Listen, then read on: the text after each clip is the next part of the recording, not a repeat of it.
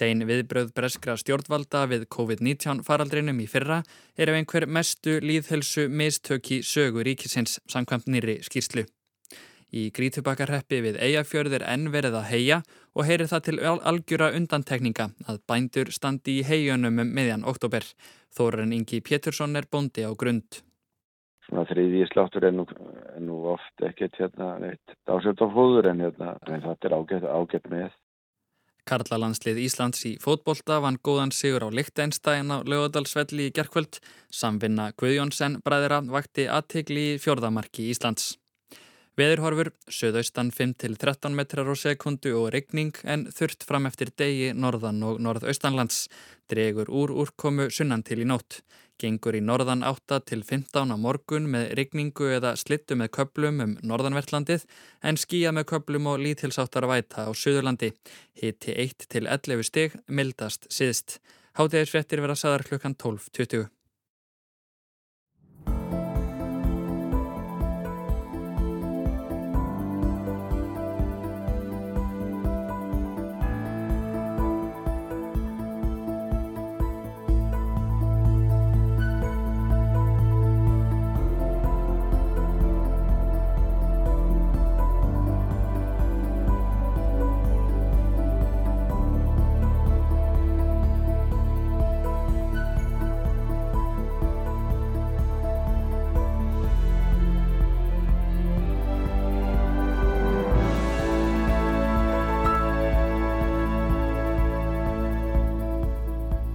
Útvarp Reykjavík, góðan dag. Í dag er þriðju dagurinn 12. oktober. Þú ert að hlusta á frettatháttin Hádeið, Guðmundur Björn Vorbjörnsson og Katrín Ásmundsdóttir Hilsa. Birgir Þórarinsson sem satt á þingi fyrir miðflokkin á síðasta kjörtímabili og var eitt þeirra þryggja þingmanna sem miðflokkurinn fekk kostna í ný afstöðnum kostningum, skipti um lið á laugadag og gett liðs við þingflokk sjálfstæðisflokksins. Miðflokkurinn logar vegna ákvörðunar Birgis en formaður sjálfstæðisflokksins bauð Birgi velkomin í þingflokkin. En mörgum spurningum er ósvarað. Hvað segir íslensk stjórnskipanum svona félagaskipti? Svo nota sér orðfæri íþróttana. Er eitthvað því til fyrirstöða fleiri þingmenn flytja sig yfir í stjórnarflokkana áður en ný ríkistjórnir mynduð? Hvað verður um Ernu Bjarnadóttur varaþingmann Birgir sem hefur gefið út að hún muni ekki elda Birgifir í sjálfstæðisflokkin? Kári Hólmar Ragnarsson, lektor við Lagadeild Háskóli Íslands og kennari í stjórnskipunarétti, situr fyrir sörum í síðari hluta þáttarins.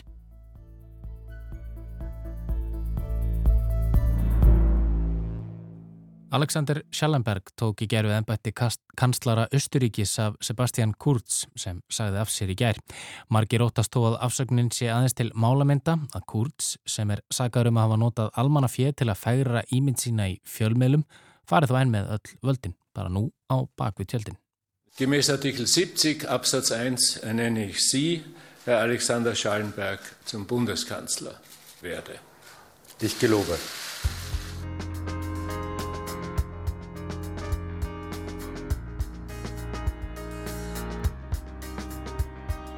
Í gær var Alexander Schallenberg utanríkis á þeirra Östuríkis settur í embætti kanslara af forsetta landsins og þar með laug kanslaratíð Sebastian Kurz að minnstakosti í byli en kurs sem stundum er kallaður undrabarnið eða jafnvel messias af stöðningsmönnum sínum tók fyrst við kanslaraembættinu árið 2017 þá aðeins 31 á skamall og þar með var þann yngsti leiðtói ríkistjórnar í heiminum í um fjögur ár. Hann leta af embættinu vegna neykslismál sem leisti upp ríkistjórn hans árið 2019 en settist svo aftur í kanslarasætið í byrjun árs 2020. En hann sagði svo af sér nú á laugadaginn og aftur vegna neykslis og í þetta sinn var hann þunga miðja neykslisins en undanfarið hefur ekki verið neyn loknmótla í kringum Sebastian Kurs. Hann er grunaður um að hafa notað ofinbert fér til að greiða fyrir og tryggja sér jákvæða umfjöllun í fjölmiðlum á árunum 2016 til 2019 og er sagður hafa borgað fyrir skoðanakannanir sem voru honum hlýðhóllar. Skoðanakannanirnar voru síðan byrtar í dagblaði í skiptum fyrir auglýsingasamninga við ríkistofnanir. Þá er hann að auki sagaður um að hafa sagt ósatt við yfirheyslu þingnemdar sem rannsakar spillingu í efstu lögum stjórnkerfisins. Það var svo á miðvíkudaginn í síðustu viku að yfirvöld letu til skara skrýða og réðust í húsleit í höfustöðum líðflokksins, flokks kurs og á skrifstofu þáverandi kanslarans vopnaðir húsleitarheimild sem fegst vegna ásakana um spillingu að sögn ríkismiðelsins Ö1. Það hjálpar svo kannski ekki kanslaranum unga að málinu svipar til þess neykslismál sem skók ríkistjórnans árið 2019 en þá neyttist varakanslari og formaður þáverandi samstarfsflokks kurs í ríkistjórn formaður frelsisflokksins til að segja af sér þingmennsku og ráðherradómi eftir að hafa verið gripin við að bjóða mönnum sem reyndist þeirra rannsóknarbladamenn í dulargerfi verðmæta verktakasamninga við ríkið í skiptum fyrir jákvæða fjölmiðlaum fjöllun. En í kjölfar þess að myndskeið sem náðist af atvikinu skaut upp kollinum endaði stjórnarsamstarfið, austuríska þingið samþykti tillögu um vantraust á ríkistjórn kurs og bóðað var til kostninga. Ári síðar var þó kurs aftur sestur í kanslarasætið eftir að hafa leitt líðflokkin aftur til sigurs. En þá kom frelsisflokkurinn ekki að stjórnarsamstarfinu. Í þetta sinn örðu græningjar fyrir valinu við ríkistjórnamyndun. En gleðin varði skamt því nú nokkrum árum síðar er kurs aftur í nær sömu spórum árið 2019 nema í þetta sinn beinast öll spjótað honum. Græningjar tóku þó slægin og stóðu við bakið á kurs þegar saksóknarar tilkynntu fyrir á þessu ári að þeir hefðust rannsaka hvort hann hefði logi fyrir þingnemt. Hins vegar virðast nýjar ásakanir um spillingu og aðkifta fjölmiðlaumfjöllun hafa gert útslægið. Á förstu daginn sagði Werner Kohler, leiðtogi græningja og varakanslari að hann teldi kurs ekki lengur hæfan til að gegna kanslaraembættinu. Græningjar heiðust stiðja vantraust tillögu stjórnarandstöðunar leti kúrsekki af ennbætti. Ellegar kemi maður í hans stað væru þau tilbúin til að halda stjórnarsamstarfinu áfram. Og þetta verðist hafa náð eirum kurs sem tilkynnti afsögn sína í sjónvarsávarpi, sagði landið mikilvægara en mannin en hann sjálfan, sagði mikilvægast að tryggja stöðuleika í landinu, láta ekki eigin hagsmunni eða hagsmunni flokksins hafa áhrif á það og því sagðan af sér. In dieser schwierigen Zeit sollte es jedoch aber niemals um persönliche Interessen, um Parteiinteressen oder politische Taktiken gehen, denn mein Land ist mir wichtiger als meine Person. Und was es jetzt braucht, sind stabile Verhältnisse. Ich möchte daher, um die Pattsituation aufzulösen, Platz machen, um Chaos zu verhindern und Stabilität zu gewährleisten. En þrátt fyrir afsögnina er Sebastian Kurz þó ekki með öllu úr leik. Hann ætlar áfram að leiða líðflokkin og vera í forsvari fyrir þingflokkin. Þá eru þeir margir sem vilja meina að afsögnin sé aðeins til málamynda. Stjórnarandstaðan, stjórnmálamenn, stjórnmálafræðingar og margir meðal almennings óttast að kursmunni áfram fara með öll völd í landinu á bakvið tjöldin enda leiðtogi ríkistjórnaflokksins. Ekkert muni í raun breytast við afsögnina og skipu nýs kanslara og ummæli arftaka hans gera kannski lítið til að draga úr þessari trú margra en Sjallenberg var ekki lengi að staðfesta og taka af allan vafa um það að hann muni vissulega og að sjálfsögðu vinna afar náið með Sebastian Kurz í framhaldinu og annað væri hreinlega absúrt. Und damit ich eines gleich zu Beginn ganz bewusst klarstelle, Ich werde selbstverständlich mit Sebastian Kurz, dem Clubobmann der neuen Volkspartei, der größten Partei im Parlament, unter dem die Volkspartei zwei Nationalratswahlen erfolgreich geschlagen hat, werde selbstverständlich mit ihm sehr eng zusammenarbeiten. Alles andere wäre demokratiepolitisch absurd. Þá segist Sjallenberg sannfarður um að ásaganirnar á hendur kurs veru ekki bara tilhæfulausar, heldur einfaldlega falskar og það eigi eftir að koma á daginn. Zudem halte ich die im Raum stehenden Vorwürfe für falsch und ich bin überzeugt davon, dass sich am Ende des Tages herausstellen wird, dass an ihnen nicht dran war.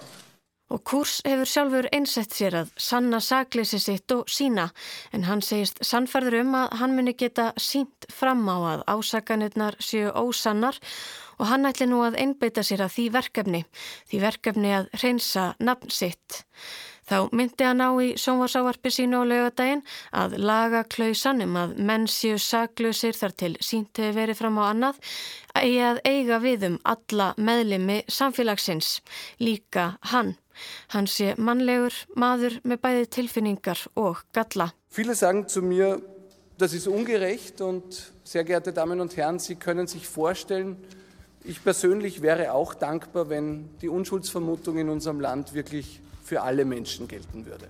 Ich bin eben auch nur ein Mensch mit Emotionen und auch mit Fehlern.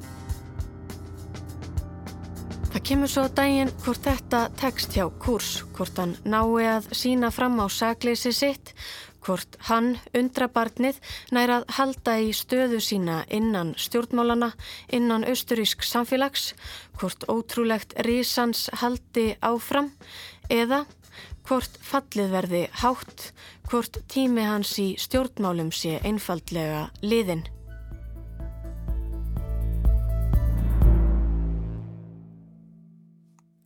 Birgir Þórarinsson sem satt á þingi fyrir miðflokkin á síðasta kjörtímabili og var eitt þeirra þryggja þingmanna sem miðflokkurinn fekk kostnægin í afstönum kostningum hefur gengið til liðs við þingflokk sjálfstæðisflokksins. Hann hefur fengið kaldar kveðjur frá fyrrum flokksmönnum en er búin velkomin í sjálfstæðisflokkin sem nú hefur 17 þingmenn. Kári Hólmar Ragnarsson, lektor við Lagadelt Háskóla Íslands og kennari í stjórnskipunarétti, rætti við Guðmund Björnum þetta sérstaka mál.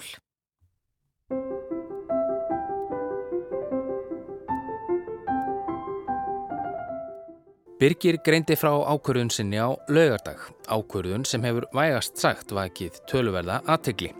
Fráfarandi samflokksmenn Birgis vönduð honum ekki kveðjurnar en miðflokkurinn hlaut 5,4% kostningu í nýjafstöðnum kostningum. Flokkurinn tapaði því fjórum þingsætum og hefur nú tapað því femta. Sigmundur Davíð Gunnlaugsson, formaður miðflokksins, sagði Birgi hafa svikið bæði flokkin og sig sjálfan. Þetta er þetta svikum flokkin það verður að segjast eh, eins og er og ég er flokksmaður og þar af leiðandi kannski má segja að það sé ákveðin svikum mig líka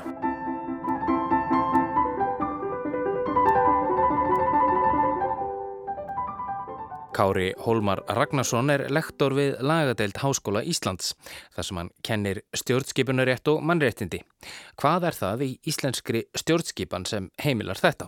Kanski bara fyrst og síðast það að þingmaður eftir að hann er kjörinn og fær útgefið sitt kjörbref og, og er úrskurðan um það allt saman eins og við þekkjum nú þessa dagana, þá er hann einungis bundin við sannfæringu sína, þess að stendur í stjórnarskroni og, eh, og þingsætið er þá í rauninni hans og, og flokkanir hafa ekki sagt, formle, neitt formlegt boðvald yfir eh, þingmönnum sínum. Stjórnarskráin er líkiladrið hér, þar sem það er fyrst og fremst hún sem heimilar þetta. Það er þessi grunnregla um sannfæringu þingmanns að finna. Þetta kemur alltaf aðan að þessi grunnregla að þingmann séu einingis bundi við sannfæringu sína, ekkert engin bóð frá kjósendum sínum, engin bóð frá flokksformannum eða eitthvað stíkt og uh, þingflokkarnir hafa ímis hlutverk sem eru útfærið í þingskaparlögunum en þetta að, að það sé bannað að yfirgefa þá eða eitthvað slíkt, það er ekki eitt, eitt af þeim. En þá er verðt að spyrja, hvað er við eiginlega að kjósa? Er við að kjósa flokka á þingi í alþingiskostningunum eða ákveðina einstaklinga? Er miðflokkurinn og stefnumál hans ástæðan fyrir því að Birgir Þórarinsson er nýjundi þingmaður Suðurkjördamis? Eða einfallega hann sjálfur? Það er bara mjög áhugavert að því við kjósum, þegar við kjósum, þá kjósum við lista fyrst og fremst. Við þetta í kjörkljónum getur fræðilega sér breytt röðum á lista og strókað fólk út og strykað jæfnvel alla út nema einn eða eitthvað slíkt og þá ertu tæknilega séð að kjósa einstakling. En, en þú kýst lista og þannig raðast þingsætinu upp í kostningakerfinu en síðan í, í kjölfarð á því þá er rauninni eh, snýstutum einstaklinga. Þar að segja einstaklingarnir fá útgjöfu kjörbreyðu og, og fá sitt þingsæti og ráða því þá eins og þeir telja rétt á hverjum tíma.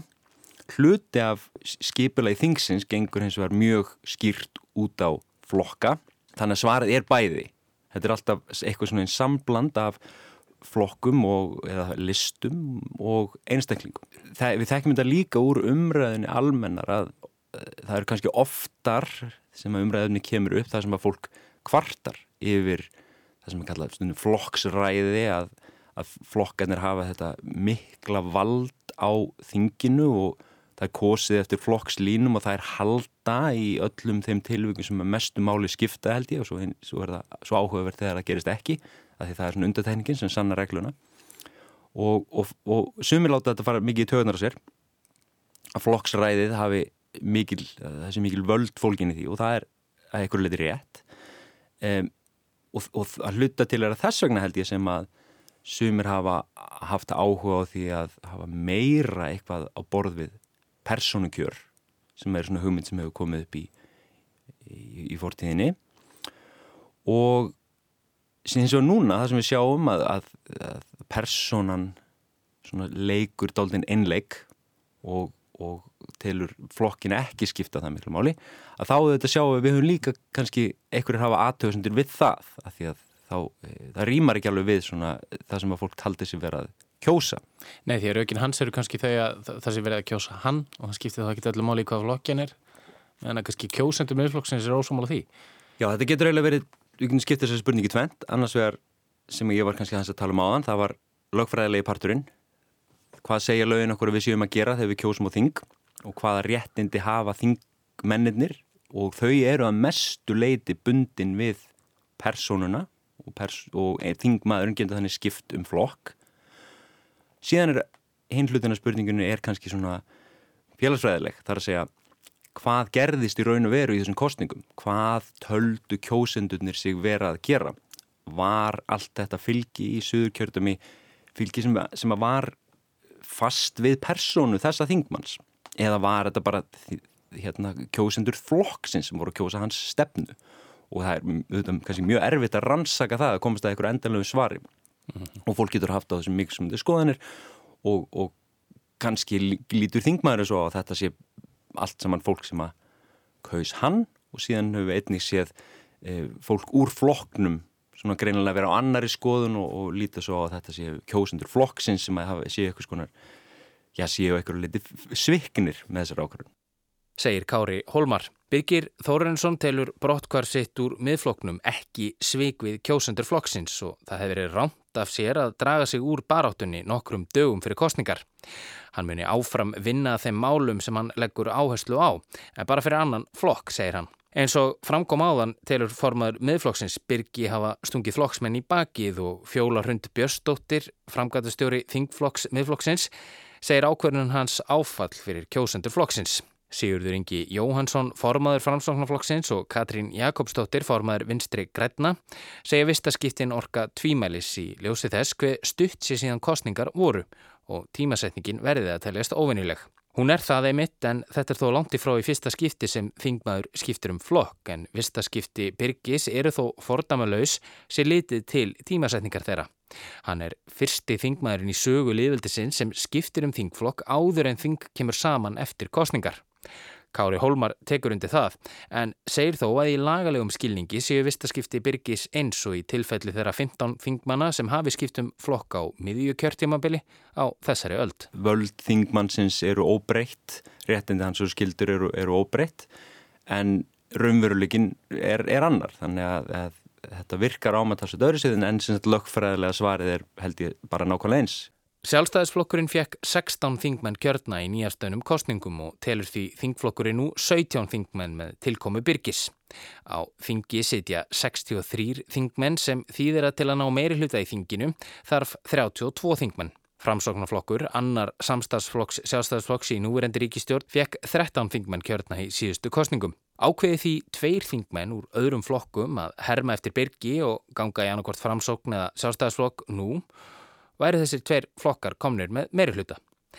Sýnir þetta ekki svart á kvítu að hægt er að ganga á bak vilja kjósenda um leið og kostningar eru nýjafstanar. Já, hvert er vandamálið? Vandamálið eins og þú lýsir því er að þingmenn sé að skiptum flokka og þannig að, að ekkur skilningi að svíkja kjósendur sína. Þá er spurningin, ég gætum við sett eitthvað reglu sem að taka markaði þetta og ég hygg að svarið sé að það er mjög erfitt samkvæmt núgildinni stjórnarskrá. Einmitt vegna þess að kjörgengi skilirði þingmanna eru mjög fá og þau eru mjög skýr og þetta er ekki eitt af þeim. Þannig ef að þingmaður missir kjörgengi þá er hægt að sagt, úrskurðar alþingi um það og við komum til fellur af þingi. Og síðan er það hinn reglan sem ég rætti á það, það er að segja að, að þingmaður er einungis bundin af samfæringu sinni og þetta eru þær grunnreglur sem að, að stjórnskráin leggur fyrir okkur. Ef við myndum setja lög um að sá þingmaður sem að myndi segja sig úr þingflokki myndi þar með falla af þingi eh, þannig lög væri mjög tæp gagvað stjórnskráin. Tveir flokkar sem eiga málefnilega samleiðað flestuleiti en greinir á um einstök atriði gætu því fræðilega séð talað sig saman fyrir kostningar. Ef þið fáðu ekki það fylgi sem þið vilduð, geti stóruflokkurinn sagt við þann minni, komið þá bara yfir til okkar. Það er ekkert sem kemur í vekk fyrir þetta í, í, í lögunum vegna þess að þetta er bara hérna, ákvörðin þingmannsins í hvaða þingflokki hann vil vera og síðan ákvörðin þá þess þingflokks hvort að tekið er á mótunum. Og ef við berum okkur saman við önnur lönd, eru þessi lög svipuð. Kári nefnir að í Breitlandi er stundum talað að ganga þvert yfir gólfið í þingsalnum, til dæmis þegar þingmenn ganga úr íhaldsflokknum yfir í verkamannaflokkinu og öfugt. Og í bandaríkunum og norðurlundum er það einnig þekkt að þingmenn skiptu um flokka á miðju kjörtímabili og stjórnarskrár ákvæðin svipuðu hér, en þó ekki allstaðar. Í Nýja sjálandi eru til dæmis til lög um nákvæmlega þetta, þegar, þingmaður hérna segja sig úr flokki eða öðru leiti svíkur flokkin, þetta eru kallað anti-defection lög, þá fallaðu, fellur við komið þar með af þinginu. Og þetta er líka til í, í Indlandi til dæmis. Og það, þetta eru lög sem eru sett í kjölfar mjög já, yktra aðstæðina það sem að flokka reyfingar voru mjög miklar, hafðu mjög mikil áhrif á stjórnmálinn og þannig var bröðist við með því að takmarka þetta eitthvað leiti. En, en hérna, þetta, er, þetta er ekki algengt og alls ekki algengt í Evrópu en e, sem fræðilega er, er möguleiki en eiginlega ekki hér á landi vegna þess að stjórnarskjónu settum með þessum hætti. En það væri ekki bara hægt að setja upp einhvers konar félagskiptaglugga eins og tíðkast í íþróttum víða þar sem leikmenn hafa ákveðin tíma oftast í janúar eða ágúst til að skipta um lið. Gerir þeir það ekki þá, þá þurfa þeir að býða þar til næsti gluggi opnar. Kári segir að með því að breyta þessu væri löggefin í raun að búa til nýtt kjörgengis skiliri sem væri mjög erfitt samkvæmt núgildandi stjórnarskrá. Stjórnarskrá sem veitir alþingi mjög takmarkaðar heimildir til að krukka í því hverjir sitja á þingi og hvar. Og það er svo sem góðar ástæður fyrir því. Við viljum ekki að meiri hluti alþingis geti til dæmis rekið eitthvað óþekka þingmenn og stjórnaranstöðun heim bara vegna þess að finna eitthvað tilli ástöðu og setja þessa tilli ástöðu í lög. Það væri ekki gott kjörfi heldur. En svo er það enneitt flækjust í þessu máli sem verðt er að nefna. Erna Bjarnadóttir var að þingmaður Byrkis fyrir miðflokkin í Suðurkjördami ætlar ekki að elda Byrki yfir í sjálfstæðisflokkin. Og hvað gerist þá? Þetta er óljóst í mínum huga hvaða nákvæmlega hvernig reglundar um þetta virka og það er aðalega vegna þess að þetta er gert á grundvelni ákveðin regla í þingskaparlögunum og líka ákveðin hefða á vennja sem að gilda um þetta og hafa gild um, um þetta nýra á þingi og sem þýður auðvitað í 99,9% tilvika er þetta ekkert vandamál. Að það er bara, hérna, þetta flýtur bara áfram og varum en koma inn þegar áþar á halda og fara út og, og þingflokkarnir og þingmennir hérna í samræðu við fórsetta alþingis bara skipilegja það og þetta er ekkert vandamál. Síðan kom upp einmitt í einhverjum svona aðstæðum þar sem einhver skiptur um flokk þá verður þetta floknara vegna þess að sá sem að fer yfir í, í, í nýjan stjórnmálflokk villu þetta ekki að vara þingmaðurinn úr gamla flokknum myndi koma inn, það er eitthvað, eitthvað, eitthvað skringilegt við það á móti kemur að vara þingmaðurinn sem er, er kjörin sem slíkur þá hann sé ekki inn á þingið, þá hann er alveg kjörin formlega sem vara þingmaður e, villu þetta líka komast inn á þing þegar aðstæður Eh, eru uppi sem að, sem að myndi almennt réttlæta það. Og það er vist ekki hægt að vera varaþingmanns laus. En það er hægt að skipulegja starfsitt þannig sem þingmaður, segir Kári, að varaþingmaður þurfi aldrei að koma inn, jafnvel þótt hann ætti að gera það. Það var svona talað um að þetta hefði kannski verið staðan árið 2019 þegar þingmenn fluttu sig úr flokki fólksins yfir í miðflokkin já, við fluttar því fréttir að, þá er einn þingum að Ólafur Íslefsson hefði til dæmis aldrei kallað innvara þingmann og svo verða hérna, velta fyrir sig hvort að hann hefði samt verið kannski á einhverjum tíum búið í þeim aðstæðum sem að hefði almennt verið gert. En þetta er sem sagt, það er hægt að, að skipulegja starfi með þeim að þessar aðstæðu séu lámarkaðar segir Kári Holmar Að lókum er verðt að velta því fyrir sér hvort þetta útspil Byrgis væri ómögulegt ef hér væri svo stjórnarskrá sem stjórnlagar á samþykti voru 2012 og ímsur hópar hafa viljað taka upp en fyrir því hefur ekki verið meirhulda viljin á þingi. Kári segir svo ekki vera, heldur þert á móti.